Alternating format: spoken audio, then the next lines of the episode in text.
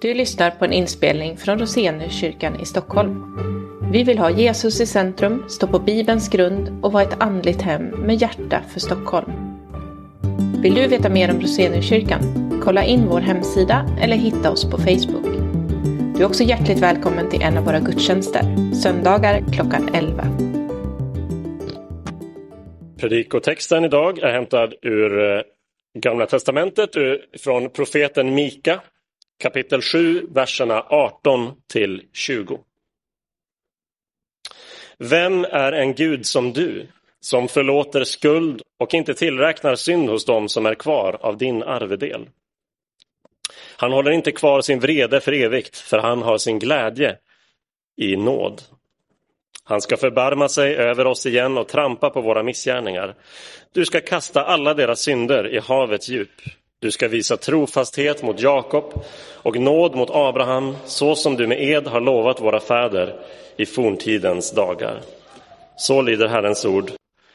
Gud, vi tackar dig. Ja, Gud, vi tackar dig för ditt ord. Tack för hur det eh, vittnar om dig och vem du är och hjälper oss hitta vår plats i din värld, i din historia, i en personlig relation till dig. Kom och hjälp oss höra och ta emot vad du vill säga till oss genom ditt ord idag. I Jesu namn. Amen. När vi hör ordet DNA eller DNA-analys så tänker vi antagligen i första hand på brottsutredningar som vi läser om ibland där eh, gamla ouppklarade brott har kunnat lösas tack vare att man har hittat eh, teknisk bevisföring i form av DNA-spår och så har man kunnat eh, ha det lett den till den skyldige. Men man kan också se i nyheter och media ibland eh, roligare berättelser om vad DNA kan göra och vad DNA-analys kan göra. Om personer som har levt eh, separerade från sin biologiska familj inte vetat varifrån de kommer och som tack vare ett DNA-test plötsligt återförenas med sina föräldrar och eh, sin bakgrund. Eh, jag läste ett, eh, ett reportage i Expressen häromåret om det och bara senast igår var det en artikel om en man som eh, hittat sin eh, familj som kom från Sydamerika tack vare ett eh, DNA-test.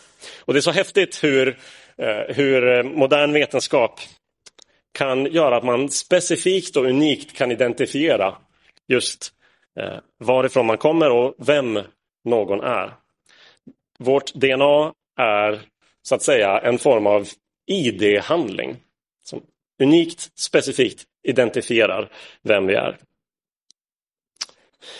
Och Det avsnitt som vi just läste ur profeten Mikas bok handlar om Guds ID om vad som identifierar Gud och särskiljer Gud från alla andra gudar.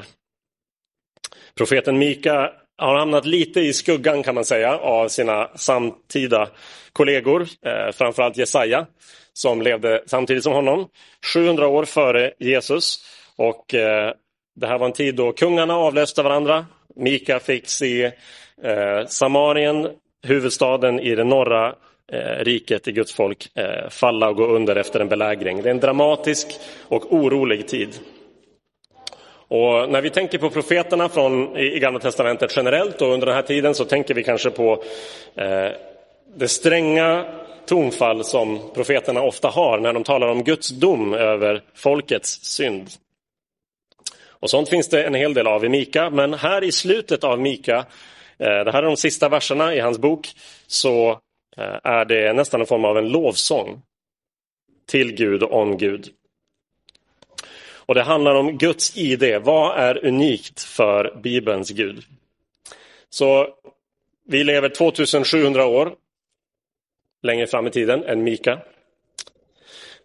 Tack vare vår, eh, våra vetenskapliga framsteg kan vi identifiera människor väldigt väl, till exempel med hjälp av DNA. Men när det kommer till att identifiera Gud vad som är värt att leva för, vad som är värt att ge hela sitt liv till. Ja, vi har faktiskt inte kommit så värst långt på de här 2700 år sedan. Vi har inte gjort allt för stora framsteg utan ofta så faller vi offer för de hägringar och de avgudar som lockar oss bort från Gud. Så vi ska se vad, hur Mika beskriver vem Gud är, hur han beskriver Guds ID med de här tre sakerna som är unika. Bara Gud slösar med nåd, besegrar det onda och håller sina löften. Så det första, bara Gud slösar med nåd. Vem är en Gud som du? Som förlåter skuld och inte tillräknar synd hos dem som är kvar av din arvedel. Han håller inte kvar sin vrede för evigt, för han har glä sin glädje i nåd. Om man läser Bibeln som helhet så kan man bli lite förvirrad av hur Bibeln talar om andra gudar. Jag menar, Paulus skriver till exempel i första Korintierbrevet, vi vet att det inte finns någon avgud i världen och att det bara finns en Gud. Men Johannes skriver i ett av sina brev, kära barn, var på er vakt mot avgudarna. Det här kan tyckas nästan motsägelsefullt. Finns det eller finns det inte gudar vid sidan om Gud? Och när Mika då säger så här, vem är en gud som du? Så undrar vi, finns det en eller flera? Jag tror inte att det är en motsägelse, jag tror att det handlar om olika sätt att tala om, eh, eh, om olika gudar. Även om de inte finns på riktigt, även om det bara finns en levande sann Gud, så finns det allt möjligt runt omkring oss som funktionellt kan ta Guds plats i våra liv. För den som lever för, för den som tillber en avgud, så blir de liksom verkliga. De får en verklig makt över den personens liv. Och Mika han skriver mycket och han skriver väldigt liksom passionerat kan man säga om avgudarna. För det, det är en fråga som engagerar och upprör honom. I nästan varje kapitel i hans bok återkommer det. Han säger att Samarias och Jerusalems synd och ondska, det som gör att de kommer gå under som rike, det bottnar i deras misslyckande att hålla sig till den enda guden. För att de tillber på fel sätt, för att de tillber fel sak, så går hela deras liv och hela deras samhälle kollektivt vilse. Så Mika argumenterar en hel del så att säga, mot avgudarna på det sättet, men här är det inte piskan utan moroten som, eh, som syns i hans, eh, hans liksom, argumentation. Han säger inte akta er för avgudarna utan han säger kolla hur mycket bättre den verkliga guden är jämfört med avgudarna. Gud har något som avgudarna inte har. Han förlåter synd. Han har sin glädje i nåd. För det är så med alla andra gudar att livet med dem handlar om orsak och verkan. Du får ut vad du stoppar in. Om du vill ha välsignelse så måste du offra någonting dyrbart. Jag tror att det är det som gör att vi lockas till andra gudar. Att vi kan kontrollera dem, blidka dem eller manipulera dem med olika typer av offer. Men avgudarna kan inte hjälpa. Om man offrar dyrbara ägodelar till en regngud och det fortsätter vara sol och torka så blir lösningen bara du offrade för lite eller på fel sätt. Du måste ge ännu mer. Offra lite mer, investera mer om du ska få ut något. Avgudarna lovar kontroll och de lovar frihet men de leder till fångenskap. Det gäller inte bara israeliternas avgudar, de här typen av politistiska gudar som vi kan tycka Eh, fåniga. Som regngudar eller, eller fruktbarhetsgudar eller någonting sånt. Det gäller också moderna avgudar, för de finns. Vi moderna människor är ganska sekulära på många sätt, men vi är precis lika religiösa ändå.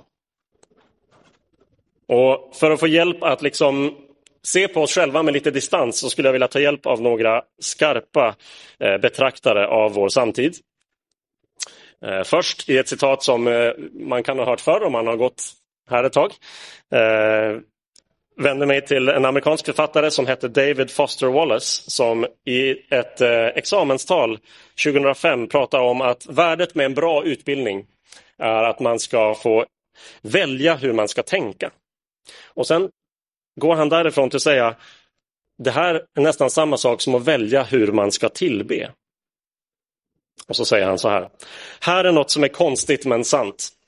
I det vuxna vardagslivets skyttegravar finns det ingen ateism. Att inte tillbe finns inte på kartan. Alla tillber. Ditt enda val är vad? Och det riktigt övertygande skälet för att välja en gud eller andlig grej, ni hör själva att han då inte var kristen själv. Det övertygande skälet är att i stort sett vad som helst annat du kan välja kommer att äta dig levande. Om du tillber pengar och saker, om det är där du hittar livets verkliga mening, kommer du aldrig ha tillräckligt. Du kommer aldrig känna att du har tillräckligt. Tillbe din kropp, skönhet och sexuell attraktion och du kommer alltid att känna dig ful.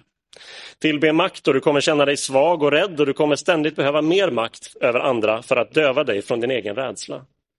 Tillbe ditt intellekt att verka smart och du kommer att känna dig dum som en bluff, alltid på vippen att bli avslöjad. Men det verkligt ondskefulla med dessa former av tillbedjan är inte att de är onda eller syndiga. Där kanske vi har en invändning i och för sig. Det är att de är omedvetna, säger han. De är våra standardinställningar. Alltså Wallace säger, utan att vi vet om det tillber vi alla någonting. Frågan är bara vad. Eller ta en annan, filosofen James K. A. Smith som beskriver materialismens avgud och dess tempel, gallerian. I dessa helgedomar och affärer finns bilder och ikoner med människor som lever det lyckliga, fullödiga, goda livet. Hur, undrar vi. Och så får vi syn på deras kläder och deras prylar och deras smycken. Hur lever de det goda livet? De har rätt saker. Så vi provar saker, vi tar på oss dem och vi går till altaret och lägger ner vårt pengaoffer vid kassaapparaten. Vi går inte därifrån tomhänta. Vi går med en liten bit av det goda livet i vår kasse. Men vi får aldrig någon frälsning. Vi måste återvända igen och igen för att bli tillfredsställda. Det goda livet kräver kontinuerlig konsumtion.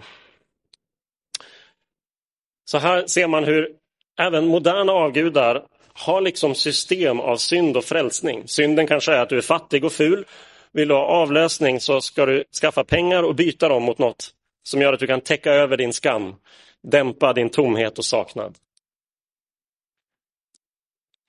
Musikern Nick Cave han har talat om hur politisk korrekthet har vuxit till världens olyckligaste religion, men det är ett citat för nästa söndag, så jag går vidare.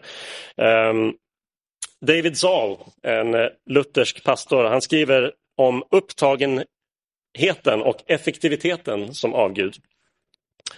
Han pratar om hur han nästan flera gånger om dagen har ett samtal där han klagar över att det är väldigt mycket att göra just nu. Han längtar så efter att det ska lugna ner sig.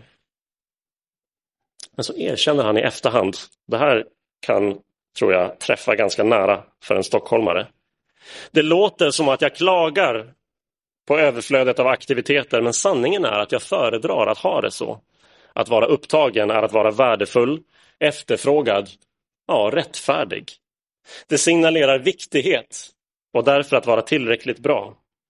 Upptagen är inte bara hur jag har det, det är vilka, vem jag är eller vill vara. Så synden här är känslan av att inte räcka till eller att inte vara tillräckligt framgångsrik eller viktig. Och det enda sättet att få avlösning är att springa snabbare i ekorrhjulet. Och I sin bok fortsätter David Zahl att räkna upp hur romantik, eller föräldraskap, eller mat, eller politik eller ett eh, Instagramvärdigt hem med, andra, med, med flera kan inta en sån här religiös roll i våra liv. Om det känns som att du inte duger så måste du dejta bättre, vara en perfekt mamma, renovera en gång till och så vidare. Om man skulle sammanfatta allt det här med eh, klassisk luthersk formulering eller eh, ELM-vokabulär så är alla avgudars religion en form av gärningslära. Du får ut vad du stoppar in. Men växelkursen tenderar att bli sämre och sämre. Du måste ha mer och mer, eller ge mer och mer för att vara nöjd. Och så tappar du kontrollen och det som skulle ge dig frihet leder till fångenskap. Och för sista gången David Saul i det här citatet. Han ger oss ett verktyg för att göra en diagnos på våra egna liv. Han säger, se efter var någonstans i livet du är mest utmattad. Titta noga efter så kommer du troligen hitta en strävan efter att rättfärdiga dig själv. Det är där vi blir mest utmattade i våra hjärtan, där vi hela tiden kämpar febrilt efter att rättfärdiga vår egen existens, vår rätt att ta upp syre och andra begränsade resurser på den här planeten. Men Gud är annorlunda. Guds ID är att han slösar med nåd. Och det är precis vad vi behöver. För värre än de subjektiva känslor av otillräcklighet som vi dras med är att vi faktiskt har verklig objektiv skuld inför Gud. Just därför att vi så ofta vänder honom ryggen för att grunda vår trygghet och vår existens på andra sätt. När vi läser de här verserna så använder Mika tre olika ord för att eh, beskriva vår synd, vad som har gått snett i våra liv. Men han använder fyra verb för hur Gud förlåter. Med andra ord, Guds nåd, inte så att den bara med nöd och näppe motsvarar vår synd, utan den överstiger, den flödar över. Gud slösar med sin nåd. För det är där Gud har sin glädje. Det är det Gud älskar att göra. Det är, Gud, det är så Gud är mest sig själv. Det är så vi kan se Guds ID. Gud slösar med nåd. Så oavsett vilken av avgudarna som fått inflytande i ditt liv, det kan ju vara en eller flera av de här eller några helt andra. Kom tillbaka till den verklige levande guden. Du behöver inte bevisa, du kan faktiskt inte bevisa eller rättfärdiga dig själv inför honom. Att känna Gud är att känna en Gud som förlåter och ger rättfärdighet som gåva tack vare vad Jesus har gjort. Men vad har Jesus gjort? Ja, det leder oss till den andra aspekten av Guds ID, nämligen att Gud besegrar det onda. Han ska förbarma sig över oss igen och trampa på våra missgärningar. Du ska kasta alla deras synder i havets djup. Så beskriver Mika sitt framåtblickande hopp om vad Gud ska göra. Gud ska gripa in och besegra det onda. Det är Gamla testamentets hopp och längtan. Att Gud ska komma till sin skapelse, ska skipa rättvisa, återlösa, befria skapelsen från allt det onda. Men det som är Gamla testamentets hopp och längtan är också Gamla testamentets dilemma. Hur ska Gud kunna ta bort det onda när det finns i alla människor? Vi är ju alla lika här. Oavsett varifrån vi kommer, oavsett var vi tror, hur vi ser ut, så har vi alla förlorat härligheten från Gud. Mika ser fram emot att Gud ska göra det på något sätt. Att Gud på, ska göra nästan någon form av kirurgiskt ingrepp där han kan ta bort synden från syndarna, rädda dem och förkasta synden. Synderna ska kastas i havet. Guds folk ska få komma nära men synden ska långt bort. Den ska trampas på så att den inte längre styr och kontrollerar oss. Hur ska det gå till? Ja, vi som lever så här långt efter Mika har fått liksom se det här gå i uppfyllelse. Och här ser vi ännu mer hur Gud skiljer sig från alla falska gudar, från alla avgudar i världen. För bara en gud har blivit människa för att rädda människorna. Varken religionerna med stort R eller någon av de här moderna sekulära avgudarna kan erbjuda något som liknar evangeliet, de goda nyheterna om Jesus. I Jesu död på korset så löser Gud spänningen mellan nåd och rättvisa. Genom att ta synden på sig själv kan Gud bära synden långt bort och samtidigt föra oss nära. Jesus mötte domen så att vi skulle möta barmhärtigheten. Och så förblir Gud sig själv, den som dömer synden men förlåter syndaren. Det här är ett genidrag som profeterna anade men ingen ändå riktigt kunde se komma. Att Gud trampade på våra missgärningar på det här sättet. Han tog hugget för att krossa ormens huvud. Avgudarna, de ger i bästa fall ut vad du själv har stoppat in. Men de goda nyheterna om Jesus är att du får ut vad han har stoppat in. Han levde rättfärdigt. Han gav sitt liv. Du får liv. Du får rättfärdighet. Sociala medier har gjort det nästan omöjligt att tro på ett prickfritt personligt protokoll.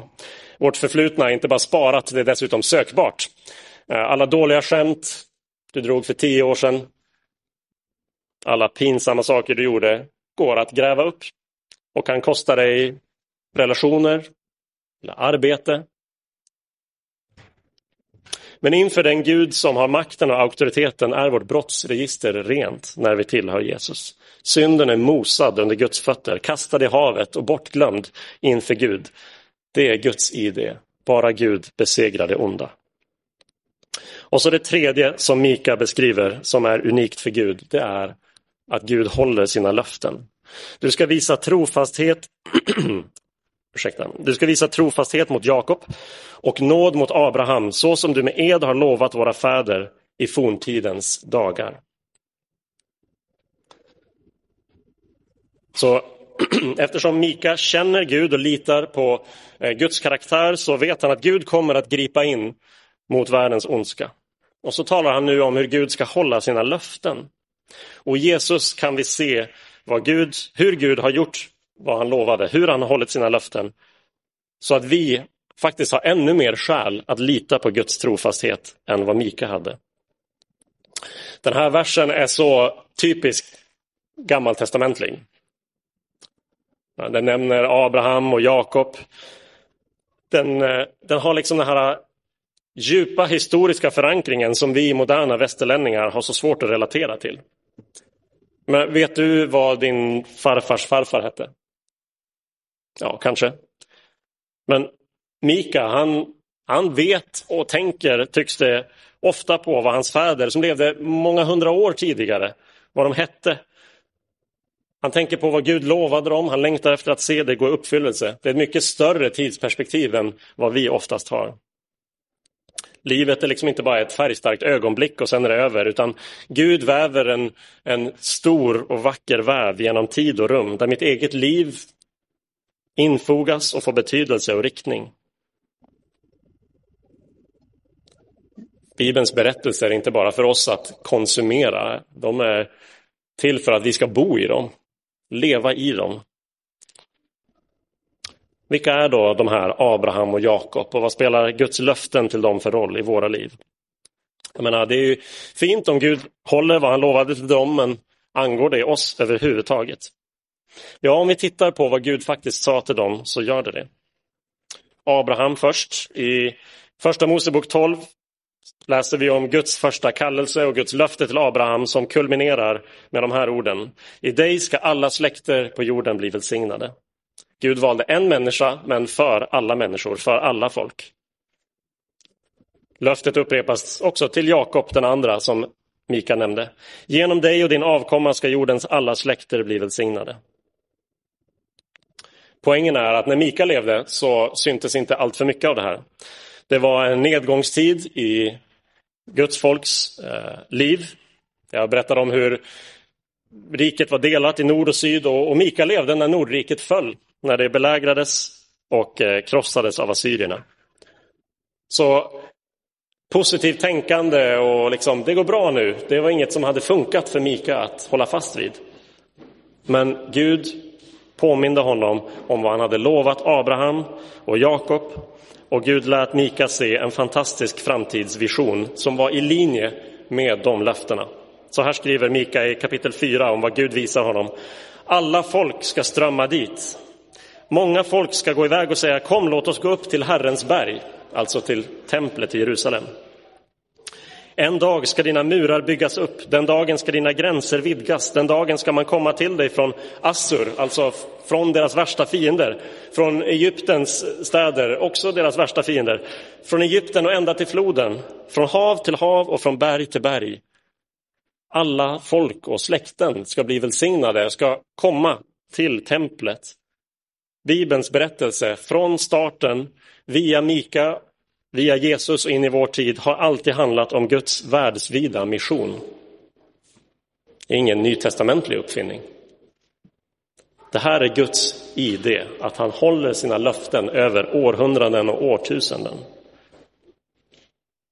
Vi läste två nyckelord i Mikas beskrivning här. Du ska visa trofasthet mot Jakob och nåd mot Abraham.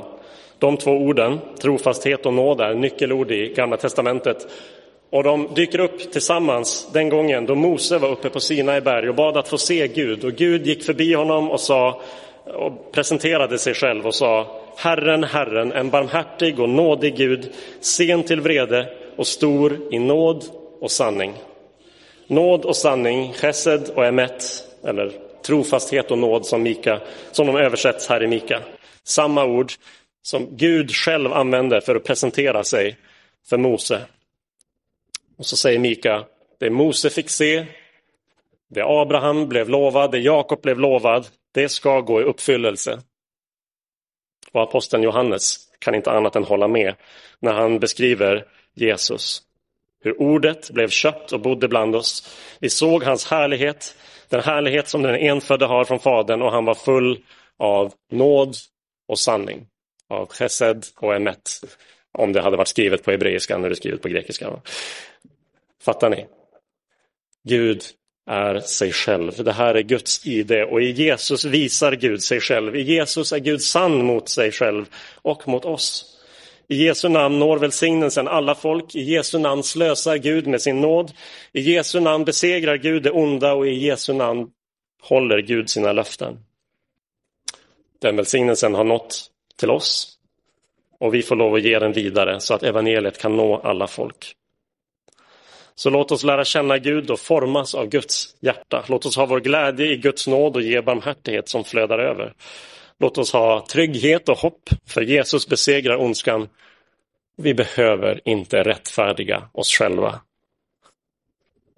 Och låt oss vara uthålliga och trofasta, för Gud är alltid sig själv och håller sina löften i evighet. Det här är vem Gud är. Det här är Guds ID. Gud slösar med nåd, besegrar det onda och håller sina löften. Vem är en Gud som du, Jesus Kristus? Vi ber. Ja, Jesus, tänk om vi bara kunde förstå och djupt i våra hjärtan ta in vem du är, hur du fullkomligt utklassar allt det andra i vårt liv som vi så lätt faller på knä inför och, och förtröstar på och litar på för att det ska ge oss trygghet och mening och lugn och tröst i våra hjärtan. Du ser det så väl Gud och vi i våra bästa stunder inser att det är det vi håller på med. Jesus, förlåt oss för det. Hjälp oss att vända oss till dig istället. Vi är beroende av din nåd. Vi är beroende av din seger. Vi behöver dina löften. Så hjälp oss att kapa banden till alla avgudar som håller oss fångna. Tack för att du är starkare än dem. Tack för att du befriar. Och tack för att du ger ny riktning i våra liv. Hjälp oss att älska dig över allting och hjälp oss att bära din kärlek och din barmhärtighet ut i den här världen så att fler får hjälp att identifiera dig. Får hjälp att se den enda sanne guden.